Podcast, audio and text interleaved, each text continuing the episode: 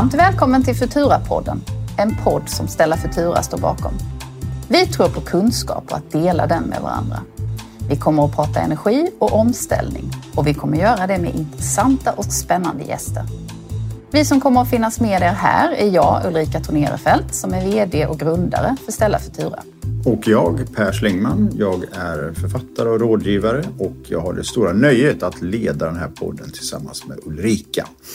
Och innan vi börjar idag så har vi något väldigt roligt att berätta. Och det är att Futura-podden kommer att finnas live på mässan Elmia Solar.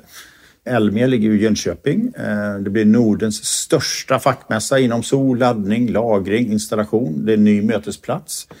Ett väldigt spännande program. Eh, scenprogram kan man hitta på deras hemsida. Jag tror att de har över hundra utställare. Allt från solpaneler, växelriktare, lagring, laddning. Och den här sker då den 13 till 15 februari. Precis. Så att om allt vill sig väl så enligt planen så kommer vi livepodda den 13, den 14 och den 15 med inbjuda spännande gäster. Och det blir ett fullspäckat scenprogram mm. med talare som Anna Gärdeström mm. som ju också varit med i vår Känd från Futurapodden. Känd från Futurapodden och möjligen Svenska kraftnät. Mm. Eh, Nike Nordlander, Vattenfall, Dan-Erik Aker, Checkwatt.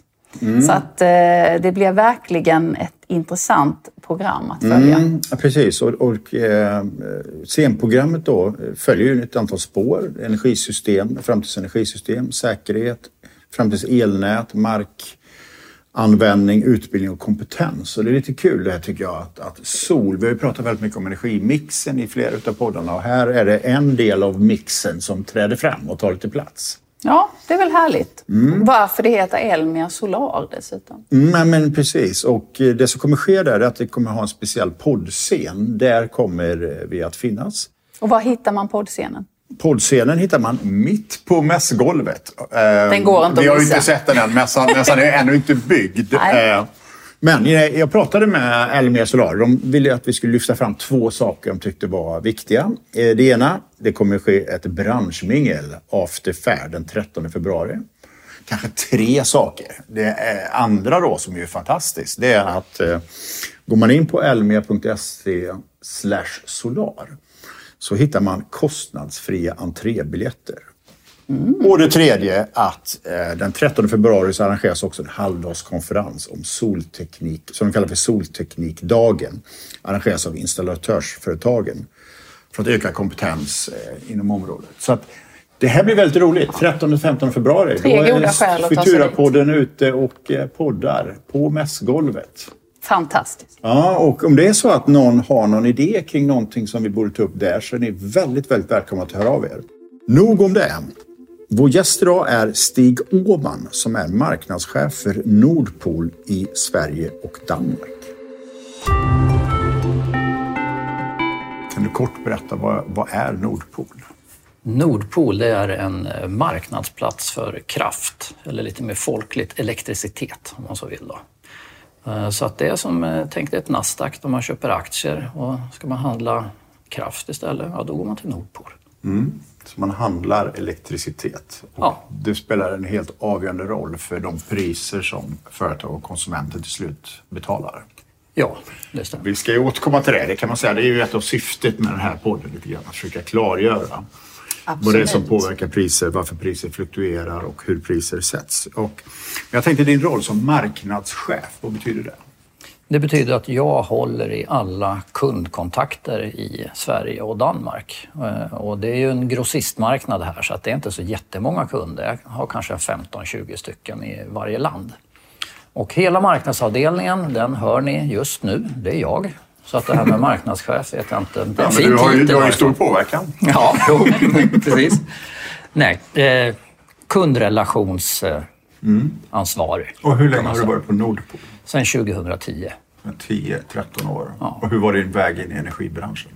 Det var 1996 när Sverige avreglerades. Då kom jag in i energibranschen för då tyckte jag att det här lät väldigt spännande. Och vad kom du in då? Eh, då kom jag in på ett litet energibolag som heter Liding Energiförsäljning. Mm. Och jag blev uppköpt av Birka, sen så varit uppköpt av Fortum och sen så, ja, på den vägen har det varit. Och jag har ju en bakgrund i egentligen allt som ett marknadsbolag eh, har inom sig, förutom legal och ekonomi mm. kanske. Och, vad är det som fascinerar med energi då? Ja, det som fascinerar det är att eh, det är en vara som vi förbrukar i samma sekund som vi tillverkar den. Alltså det, det måste vara ett, en balans i hela det här systemet. Och det, det fascinerar mig lite grann. Mm. Och dessutom att det nu har blivit en mer fri marknad. Tidigare så tog vi bara el för givet. Det finns där uttaget i väggen. Så tänkte vi ja, jag tänkte, du har varit med sedan 96. Har du varit med någon gång när ni inte har lyckats upprätta balans? Balans har nog alltid upprättats eh, för att vi har haft el någonstans i Sverige. Sen har det varit stora strömavbrott ibland. I Malmö till exempel, början av 2000-talet. Eh, men vi har ju en fantastiskt bra Eh, leveranssäkerhet och det ska vi väl å andra sidan ge Svenska kraftnät och de andra stamnätägarna cred för. Det är ju inte Nordpools förtjänst utan vi håller ju handen medan eh, stamnätägarna håller den fysiska leveransen. Men vi lever ju väldigt tätt på varandra. Mm. Så här, vi ska ju djupduka i frågan vad är det som avgör Dels kanske hur balans kan upprättas men framförallt eh, varför energin eller elektriciteten kostar olika beroende på olika tider och hur det går till. Ulrika, jag tänkte att du kanske ska börja med att ge liksom, den breda bilden. Vi har ju pratat om det här i flera tidigare poddar. Försökt liksom, hur fungerar eh, liksom det svenska el, hur ser elnätet ut och fungerar marknaden i det breda för att sätta mm. Nordpol och de frågor vi ska diskutera i en kontext. Precis, och då tror jag det kan vara på sin plats att vi pratar lite om de olika rollerna igen. För det är väldigt mycket som ska samverka för att detta ska funka. Vi har nämnt Svenska kraftnät, de är ju systemansvariga. Eh, och det är ju, de är ytterst ansvariga för att kraftsystemets alla delar samverkar på ett driftsäkert sätt. Vi har balansansvariga, det pratade vi lite om i förra avsnittet. Eh, de har ju det affärsmässiga och planeringsmässiga ansvaret för att det är balans mellan tillförsel och uttag av el i kraftsystemet. Sen har vi elproducenter. Det är de som producerar el och levererar till kraftsystemet. Vi har elnätsföretag företag som äger elnät och överför el mellan producenter och elanvändare. Sen har vi elleverantörer som säljer el till elanvändarna. Och antingen kommer det från egen elproduktion eller så har de handlat just på elbörserna. Eh, sen har vi elhandelsföretag. Det är ju företag som är era kunder som handlar på elbörserna. Och sen har vi elbörsen. Så vi stannar upp där vid elbörsen, för det är marknadsplatsen för el. Och det är det vi ska prata om idag. Och då tänkte jag så här, du tycker att det här sättet att räkna upp det kommer förenkla? jag tänker att folk kör den här podden på repeat. Ja, men exakt. Och sen så skriver man ner. Ja. Nej, vi skulle haft ja, en, en, eh, vad heter det, vlogg. Ja, men precis. Det är en bit ifrån det här två hål i väggen. Mm. Ja. Mm. Eh, och elmarknaden som du sa, den är ju en avreglerad marknad nu. Så mm. det innebär ju att el handlas fritt utan konkurrens också över Sveriges gränser. Ja. Eller hur? Ja. Och det är väl det som gör det också ytterligare intressant. Att det är inget vi sitter och håller på med själva här i Sverige utan vi är starkt sammankopplade. För det första skulle jag vilja veta, Nordpol är den största elbörsen i Norden. Ja. Och norra Europa till och med? Ja, det finns två jättestora elbörser kan man säga. Det är den fransk-tyska och det är den nordiska. Mm. Och vi är ungefär lika stora i Europa. Men i Norden så är det precis som du säger, där är det nästan bara Nordpol. Och vem äger Nordpol?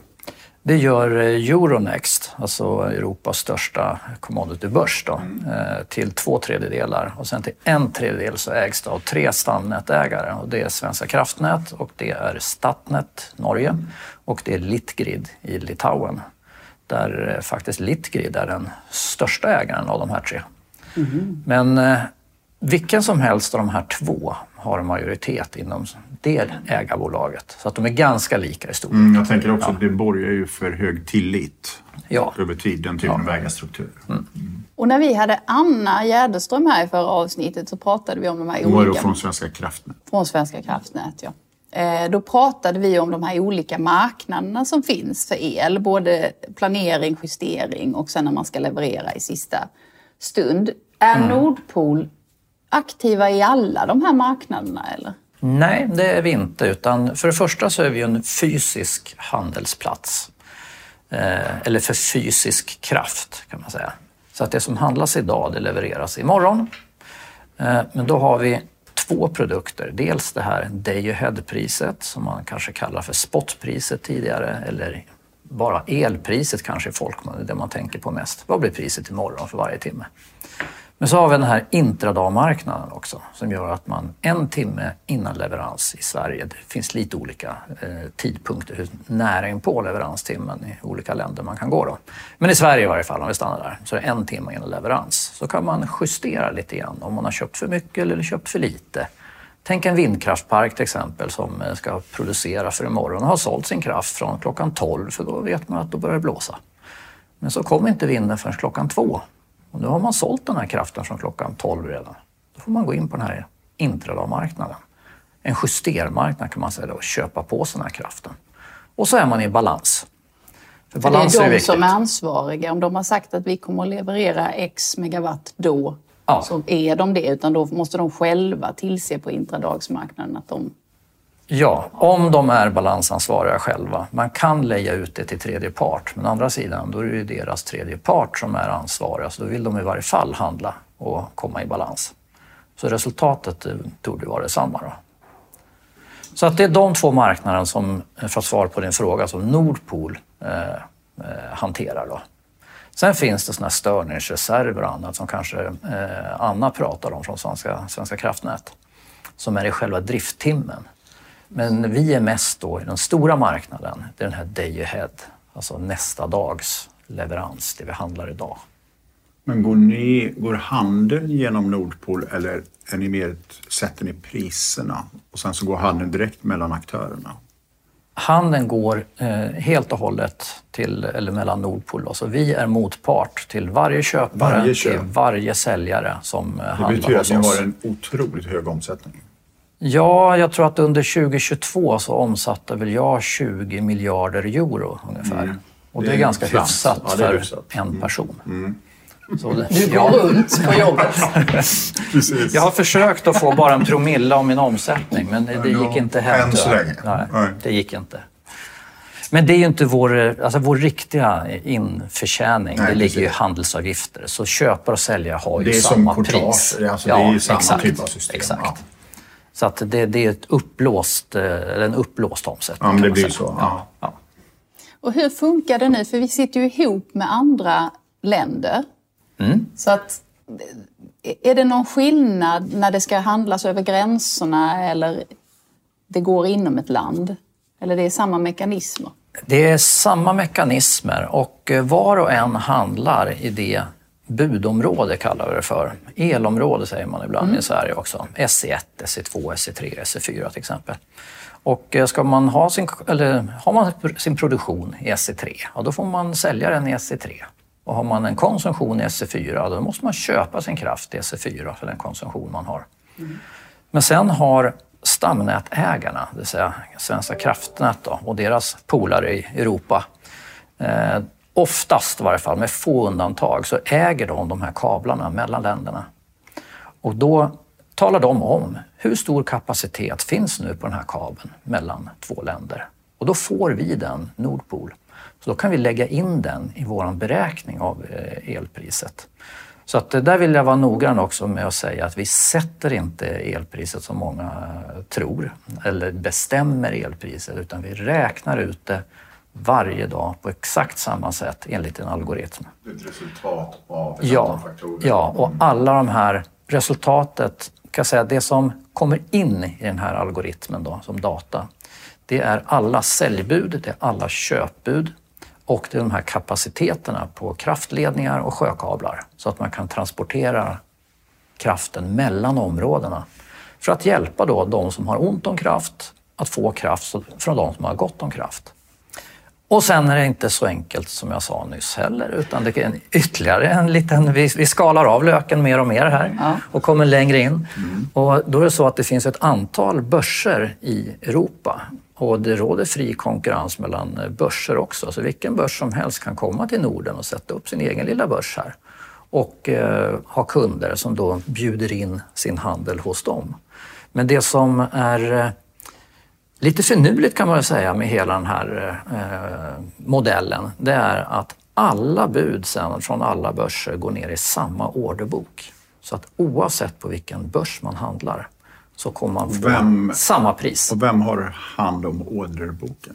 Orderboken den är en gemensamägd bland många börser, inte alla. Men många men alla börser. är skyldiga?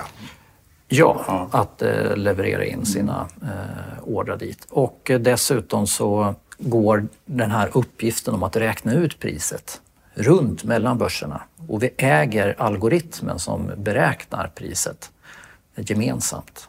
Så att det är en gemensamt ägd algoritm. Och så sitter då ett gäng matematiker också då från en matematikgrupp eller en utvecklingsgrupp och, och försöker utveckla den här algoritmen och håller den eh, kvaliteten på den ska jag säga och, och, eh, att det är tillräcklig styrka. Det så att man kan få in mycket bud när elmarknaden eh, växer och det kommer nya bud som utvecklas på marknaden så ska de implementera sin här algoritmen också. Så att det, det är ett jättejobb. Får jag ställa en fråga som lite grann parentetisk relation till det vi ska prata om. En, en fråga som diskuteras mycket nu det är ju i ny geopolitisk situation, beredskap, mm. Mm. säkerhet, trygghet.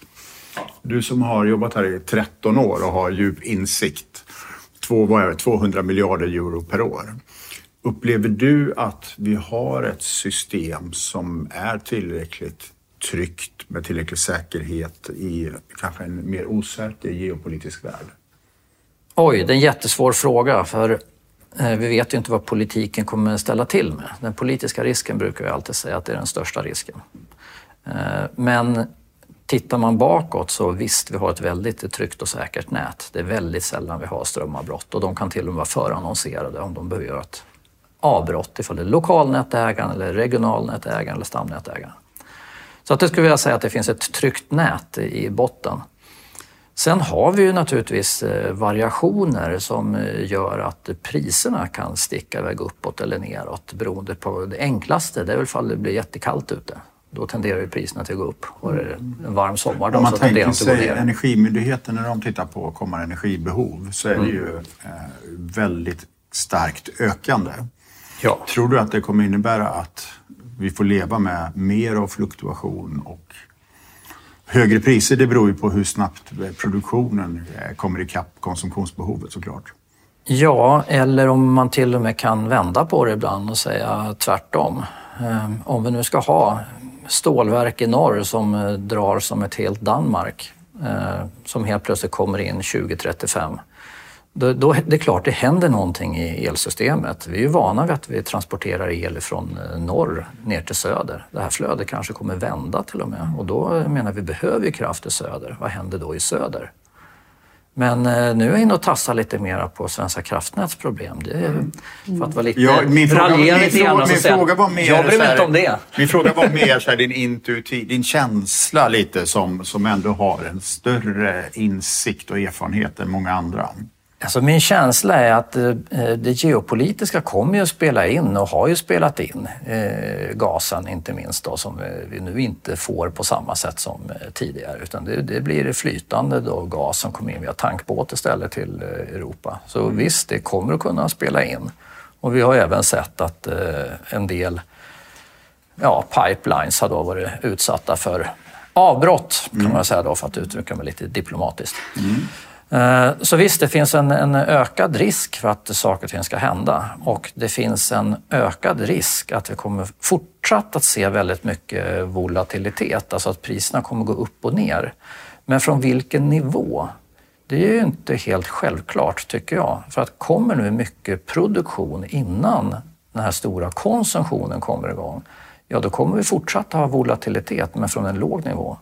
Men kommer konsumtionen in först, ja då kommer vi ha en, ett högt pris. Då kommer vi ha volatilitet men på en hög prisnivå. Man säger så. Mm. Vi ska ju också återkomma till det senare och titta på den här, det ökade behovet, vad det består av. Och det ja. så, som du sa så är det så att den, den, eh, liksom, det gröna stålet kanske ligger på 2035. Mm. Men det är mm. framförallt transportsektorns eh, omställning mm. mm. fram till dess. Ja. Geopolitiska påverkansfaktorer är en sak men sen finns det ju infrastrukturella påverkansfaktorer som är lättare att förutspå. Den här North Sea Link som ska då som drog igång 2021 väl, mellan mm. Norge och England. Mm. Det är ju, då skapas Som en kabel.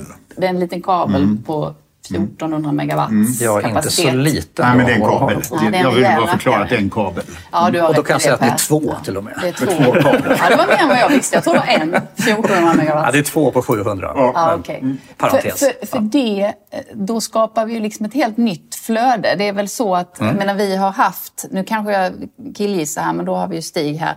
Eh, att vi har haft flöden som har gått tvärs Sverige, en del också, men mm. och, också importerat från Norge. Mm. Men om de nu får bättre betalt för sin el i England så kanske inte de är lika frikostiga med att skeppa in el till oss. Liksom. Jo, det gör de för att då tjänar aktörerna pengar. Det vill mm. säga de som äger kabeln, de vill gärna att det ska gå fulla spjäll liksom, ja. i kablarna. Så det kommer, det kommer för prisskillnaden däremellan, det går rätt ner i deras fickor. Mm. Sen så är det reglerat vad de får göra med pengarna så att det är inte bara förtjänst rakt av så. Alltså förtjänsten finns ju där, men det finns mm. ju ganska strikta regler eh, vad de här flaskhalsintäkterna som man kallar det för då. Och vad, vad är flaskhalsintäkter? Flaskhals, det är för att det finns en begränsning. Ta Nordic Sea Link till exempel, mm. NSL. Den eh, har ju 1400 megawatt. Men om det är högre pris i eh, UK än vad det är i NO2, där den här kabeln Norge. går in. Då. Mm. Norge, precis. Ja, då vill ju kraften till eh, UK. UK. Ja, eller GB ska vi säga. Mm. Men i varje fall. Ja, men då är det bara 1400 megawatt som kan komma över. Det kan inte komma över mer. Det kan fortfarande vara högre pris även ifall det går 1400 megawatt i, i den här kabeln. Och då, och då, då är det en flaskhals. Mm. Så man kan säga att när varje kraftledning i systemet går för fullt så är det en, kraft, eller en flaskhals. Mm. Och åtminstone om man får lägga på definitionen att det då fortsatt är en prisskillnad mellan kabeländarna, om man säger så. Då. Mm.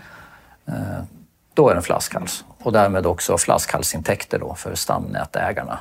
Och ibland så är det Svenska kraftnät själva som äger, som inom Sverige till exempel, mellan SE1 och SE2 och så vidare. Men ibland så delar de det här med någon annan TSO, som någon kraftledning till Norge till exempel. Då är det Statnett och Svenska kraftnät som äger dem 50-50. Och vad är, detta kan vara en flaskhals då? Ja. North Sea Link? Ja. Vad har vi fler sådana tydliga flaskhalsar? Vi har flaskhalsar i varenda snitt i Sverige. Alltså mellan SE1 och SE2, mellan SE2 och SE3 och SE3 och SE4. Eh, så snart det är olika priser i de här områdena så har vi en flaskhals. Mm. Och sen får vi inte glömma... Vi förmår inte jämna ut helt Nej, vi förmår inte få över så mycket kraft som vi skulle vilja. Mm.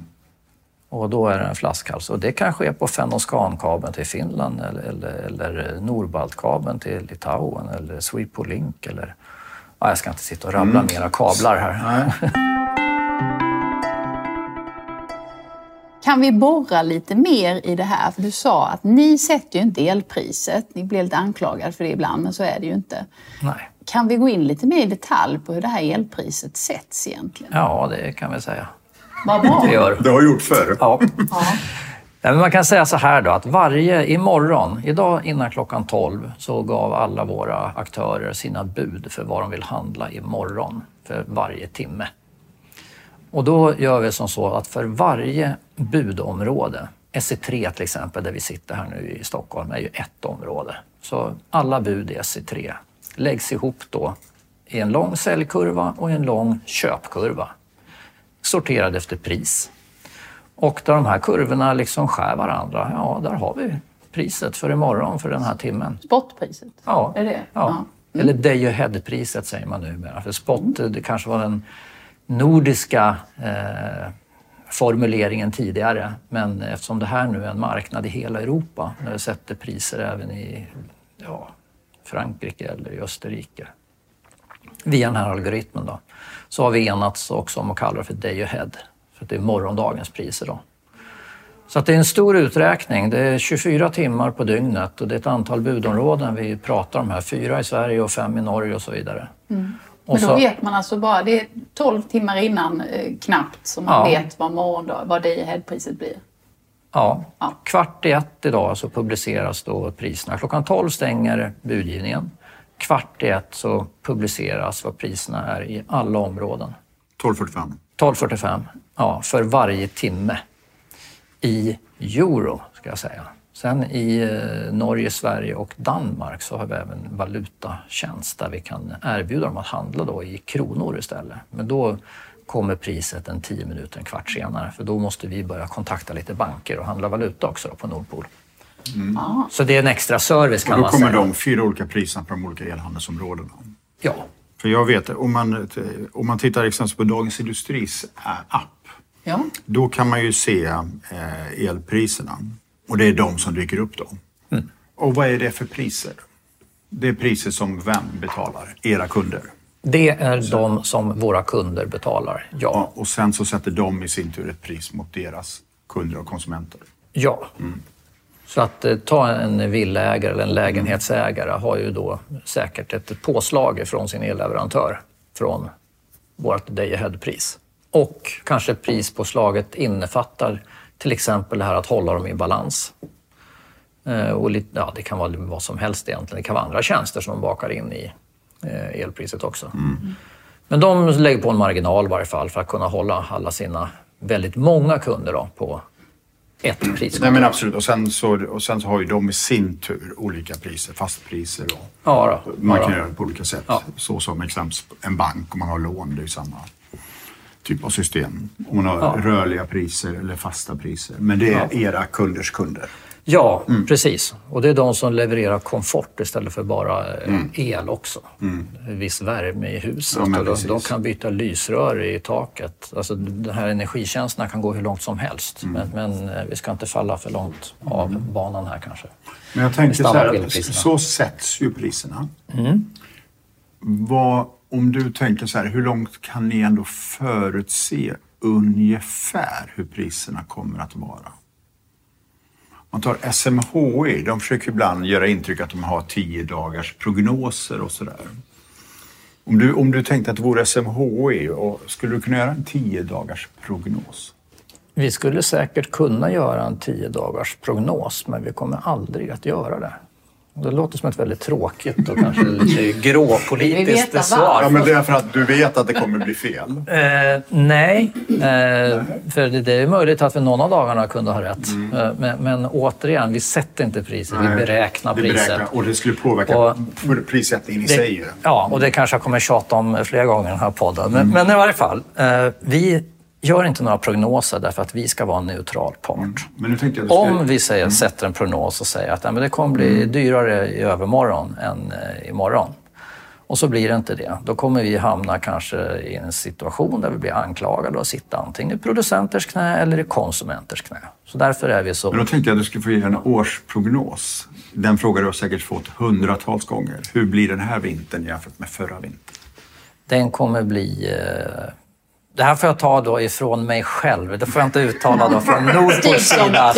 Så att, nu, nu bryter vi den podden och så kör vi Stigpodden en stund och sen fortsätter vi i, i Nordpolen. Då tror jag att priserna kommer bli eh, mindre volatila på något lägre nivå. Så alltså stabilare priser och inte lika dramatiskt som förra säsongen.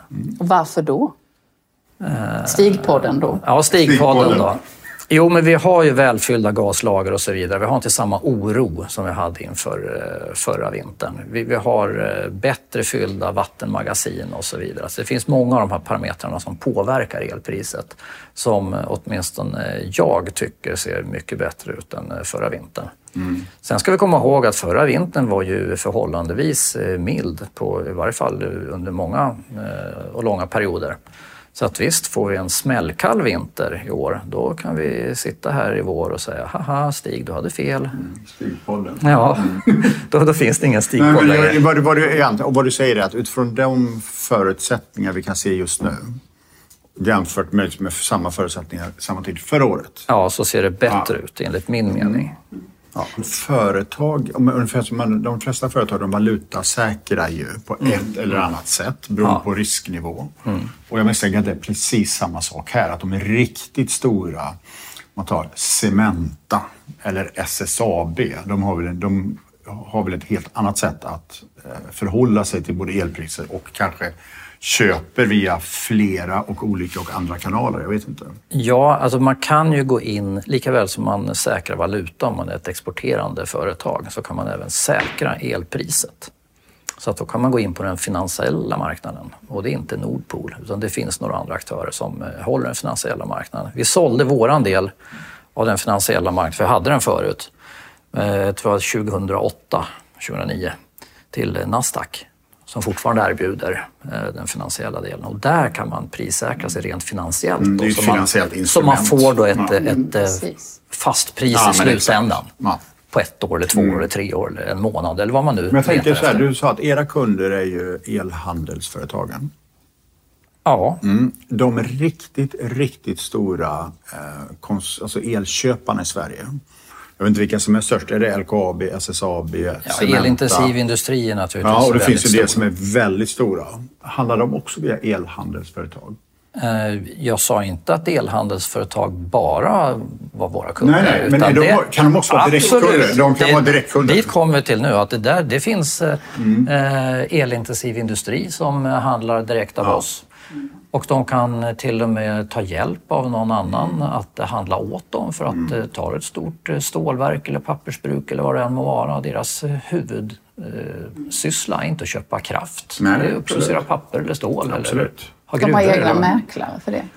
Ja, eller tredje part som hjälper dem, konsulter eller vad man ska säga, som, ja, som lägger in buden åt dem. Men de är direktaktör mot oss och ekonomiskt ansvar och juridiskt ansvariga mot oss.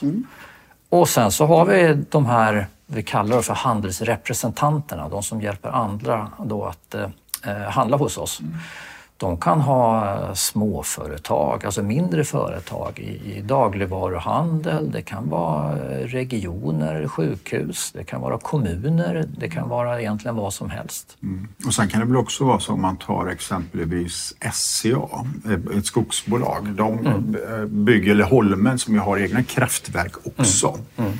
Så det blir ju en delmängd att de har egna kraftverk som de kan köra in i balanssystemet. Och sen så handlar de direkt via Nordpol. Så att, och det är väl så att har man om elpriserna och energin är en stor del av ens kostnadsmassa så blir det en strategisk fråga på ett helt annat sätt. Ja, och dessutom för de stora elintensiva så tycker de själva i varje fall, åtminstone de som handlar hos oss, att det är en fördel att vara med och handla direkt för att då påverkar de också priset direkt. Så att om de skulle dra ner 40 megawatt som till exempel en lina i ett eh, pappersbruk är på, ja då vill de att den kraften också ska påverka att priset tenderar i varje fall till att gå ner. Om man ska titta då bara gå tillbaka, vilka faktorer som påverkar priset. Väder har vi nämnt. Sen är det naturligtvis efterfrågan. Ja, Hur mycket som efterfrågas. Sen är det ju utbudet, också Ja. både i Sverige och i andra länder. Är det någonting mer man kan lägga till? Där? Massor. Ja. Det är kapaciteter mellan länderna Kapacitet och, och mellan- inom länderna för att Inom ut, länderna. eh, alltså hjälpa till att flytta kraften. Då är vi på flaskhalsproblematiken Precis, igen. Mm. precis. Råvarupriser som kol, olja, eh, gas, eh, kanske biomassa. Eh, eh, alla bäckar små. Mm. Eh, vi har utsläppsrätter, eh, priset på dem som påverkar eftersom de som nu eldar med kol... I de fossila Ja, energislagen. precis. Mm. precis. Naturligtvis inte politiska avgifter, men vi har ju olika skatter eh, på olika energislag och så vidare som eh, påverkar. Och eh, hur de förändras påverkar ju också. Då. Jag tänkte innan vi stänger- Allmänna kon- konjunkturen. Konjunkturen. Liksom, det, ja, världskonjunkturen till och med. Ja. Mm, precis. Jag tänkte innan vi stänger det, om man, vi pratade om flaskhalsar. Om det inte fanns några flaskhalsar, skulle Mm. då priserna vara exakt de samma i hela Europa? Ja. Och vad, hur ser de strukturella variationerna ut? Jag vet exempelvis om man kommer till Spanien. Där har man ju ett strukturellt väsentligt högre energipris än vad vi har haft i Sverige. Mm. Och vad, vad, beror de på flaskhalsar, de här strukturella skillnaderna? Eh, Nu är jag osäker på just eh, jag- Spanien, men om Ja, man bara pratar lite grann generellt om eh, andra länder. Att det är så, otroligt olika priser trots att vi har en gemensam prissättning. Ja, och det är klart att sätta upp ett vindkraftverk i Sverige nära en stamledning, det är ju relativt billigt om eh, vi får ansluta det till Svenska kraftnäts stamledning eller regionnät eller vad vi eh, nu ansluter det till. Men ska du sätta upp ett eh, gäng kraftverk i ett område där marken är oerhört dyr, du har eh, naturkänsliga områden, du kanske inte får sätta upp eh, vindkraftverk eller vad det nu kan vara. Mm. Men så tänker, att det blir ja. dyrare att bygga, det så blir, blir kraften dyrare också. Ja, eftersom man då inte kan istället importera billigare på grund av flaskhalsar ja. så blir det dyrare. Så det är flaskhalsarna även där som orsakar det. Ja. Och då hade det kanske varit så till slut att det hade inte varit lönsamt att, att ha energiproduktion där det är väldigt, väldigt dyrt, exempelvis marken och annat. Mm. Om det vore liksom en helt fungerande marknad, bort, om vi inte hade några flaskhalsar. Ja, och jag tror också det att det, man kanske är ute på tunn is och säger bara att det där är dyra markförhållanden. För i slutändan så tror jag att det, det är nog byggandet av själva verket och eh, driften av det mm. som i slutändan avgör. Eh, men eh, vi har ändå politiska eh, beslut också som eh, mm. styr åt det ena och om, eller andra Om man tittar hållet. på investeringar just nu, är vi på väg att få mer eller mindre flaskhalsar i Europa framöver? Jag tror att kortsiktigt så, så hamnar vi nog i mer flaskhalsar på grund av digitalisering, på grund av att vi använder mer kraft än tidigare. Vi mm. försöker göra oss av med fossila eh, kraftverk och så vidare. Eh, och, och, transporter och... Mm. Ja. Och på, på längre sikt då? Sker det investeringar ja, i de europeiska det, det sker det det. investeringar, ja. absolut. I alla länder? Ja, jag menar Svenska kraftnät håller på att investera i Sverige Eh, och, och, man investerar på många, eh, eller i många länder så investerar man eh, och Man ser väl över också de här befintliga elområdena? Att göra om dem lite? Va? Ja, det gör man. Så att, det kan ju vara så att helt plötsligt så sitter vi här och så befinner vi oss förvisso i SC3 men de som sitter i Karlstad de befinner sig i SC, ja, inte vet jag, 4,5 eller... Mm. Och det är väl också ett sätt att hantera den problematiken? Att de lägger om elområdena, eller? Ja, för ett bra elområde är ett elområde som har ungefär lika mycket utbud som efterfrågan. Precis. Och eh, hamnar vi då i ett, eh, eller en situation som SE4 hamnade i när vi delade in Sverige i fyra områden 1 november 2011, att de sitter ju sämst till i Sverige kan man säga. Mm. De har stor efterfrågan men inte mycket utbud. SE3 näst sämst. Vi har också ett underskottsområde. Vi har mycket förbrukning, men vi har inte lika mycket produktion. Och då har vi ändå tre stycken eh, kärnkraftsanläggningar inom SE3. Alla finns inom SE3. Och ändå så räcker inte eh, allt, utan vi måste få ner kraften från norr för att eh, få till det här. Men det byggs eh, kraftledningar, det byggs eh, sjökablar, det är ju kraftledningar det också på sätt och vis, men, men, men alltså mell, i haven då, mellan eh, nationer också. Mm. Jag tänkte, du, du har jobbat så 13 år på Nordpol. Om vi tänker oss de kommande 13 åren fram i tiden, mm. vad blir då? 36, 2036. Tror du att det kommer att vara lika mycket förändringar eller mer än vad vi har sett de senaste 13 åren? Det är roligt, för när jag började 96 i branschen så sa jag att nu vill jag in i branschen för avregleringen i Sverige, det här är det största som någonsin kommer hända inom eh, svensk energiutveckling. Mm. Och jag har aldrig haft så fel, någonsin. det händer saker och ting hela ja. tiden. Är det inte nya beslut från EU, med mm. ifall det heter Mifid eller Remit eller Emir eller vad det nu kan vara, så är det andra saker som, som eh, kommer. Det, det finns ett system med utsläppsrätter och vi fick elcertifikat och gud vet allt vi har fått under alla de här åren. Så nog kommer det hända saker alltid. Ja, och jag tänker ju också kanske också på den här liksom riktigt strukturella förändringen att vi ska elektrifiera allt. Ja. Det mesta som går, har gått på fossil ska bli fossilfritt. Och ja. Du nämnde stålindustrin och transportflottan och jag vet inte, Energimyndigheten säger väl att fram till 2040 så är det en fördubbling av behovet. Ja. Och det är klart, det måste ju sätta en enorm press på systemet och det är inte bara här, det är ju hela Europa. Nej, det gör det ju såklart. Och eh, då vill det ju till att vi antingen har väl utbyggda nät eller mm. att vi har produktionen där konsumtionen finns. Och utifrån ditt perspektiv, om man tittar på den svenska energimixen, mm. Fungerar den väl eller är det någonting du tycker att eh, det skulle kunna bli bättre för att svara mot behoven att minska fluktuationer och så vidare? Jag tycker nog att den energimix vi har är egentligen fantastisk. Vi har massor av olika eh, energislag. Eh, ta Norge till exempel. Där tycker man att det är jättefint med, med vattenkraft. Ja, det är det. Men det är inte så roligt när det är torrår som vi hade under 2022. Mm. Då, då sitter man lite risigt till och då blir priserna höga. Mm. Eller vid ett så, så, år så blir de fruktansvärt ja, låga istället. en mångfald av olika energislag. Ja, Vad tycker du om den här så sent som häromveckan så var det en debatt i Agenda om klimatet och då pratade man väldigt mycket om den planerbara energin. Ja. Vad tycker du om det begreppet? Vi behöver planerbar energi. Vi alltså icke väderpåverkande då? Ja, precis. Eh, och det behöver vi för annars så kommer vi dagar när inte solen lyser och det inte blåser så kommer vi ha problem om vi bara har sol och vindkraft. Så det är mest det vi pratar om eh, nu för tiden. Så den planerbara energin behöver vi. Och jag, jag, slänger gärna in en liten handgranat här. Det här kommer jag kanske få fan på. Vi går över till, till stig, Stigpodden igen. Nu, nu, byter vi till Stigpodden igen. Och jag tror så här att nu lägger vi en massa kärnavfall och gjuter in det i såna här kopparkapslar och slänger ner mm. bentonitlera i det här och gjuter in dem i betong långt ner.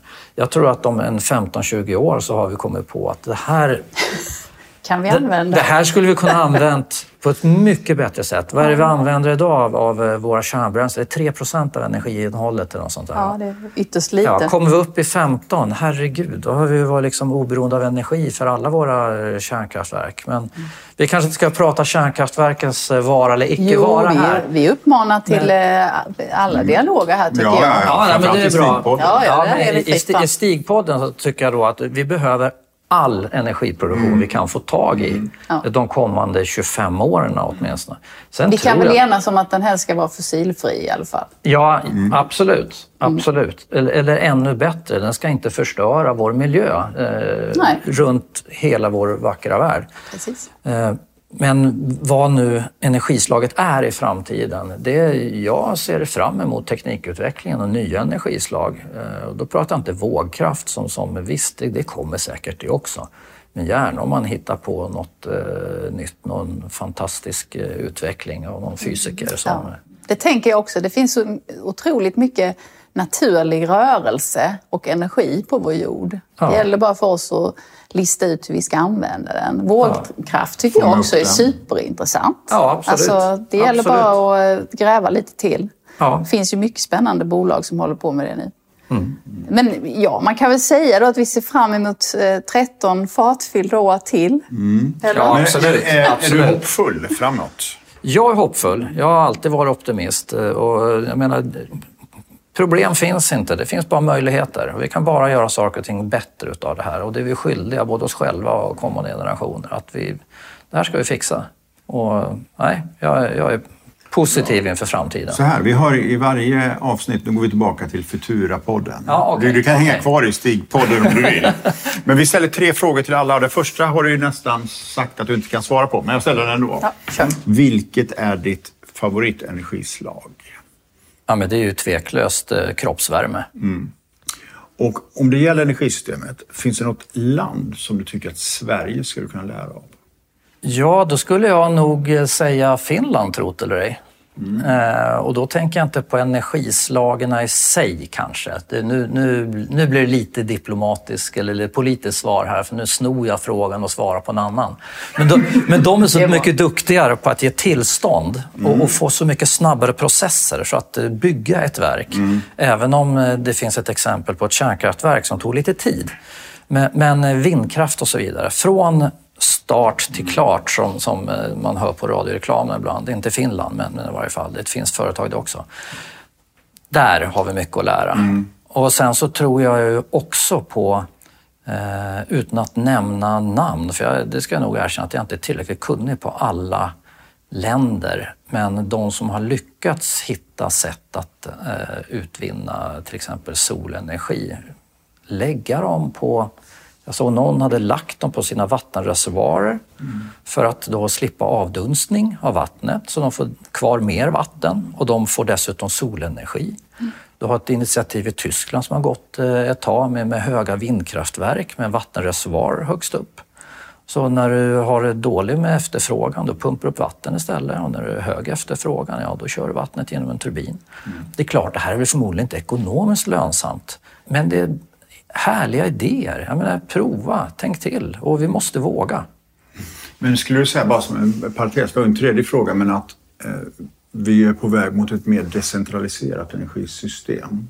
Ja, det tror jag. Och det anknyter också lite grann till det jag sa tidigare, att vi kommer att använda väldigt mycket mer energi, eller kraft säger jag nu då, el då, i framtiden. Men vi kan inte räkna med att vi ska bygga kraftledningar över hela Sverige kors och tvärs överallt, utan vi måste också lita lite grann på de regionala näten och lokala näten så att vi får produktion där konsumtionen finns. Mm. Kan koppla eller, upp det med tvärtom. batterisystem. Ja. Mm. ja.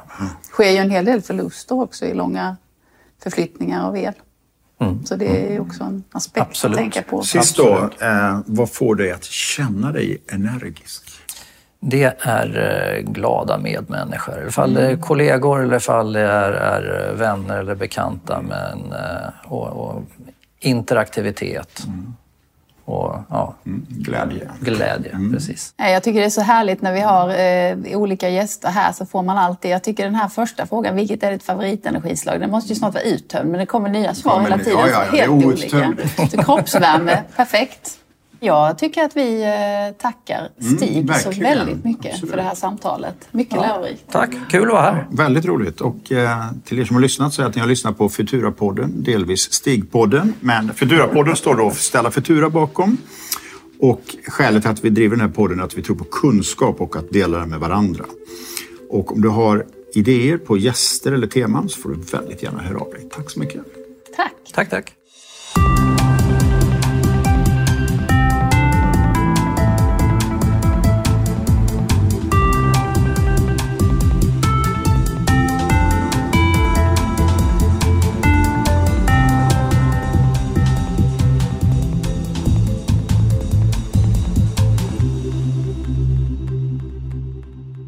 Det här programmet görs på Beppo. Beppo.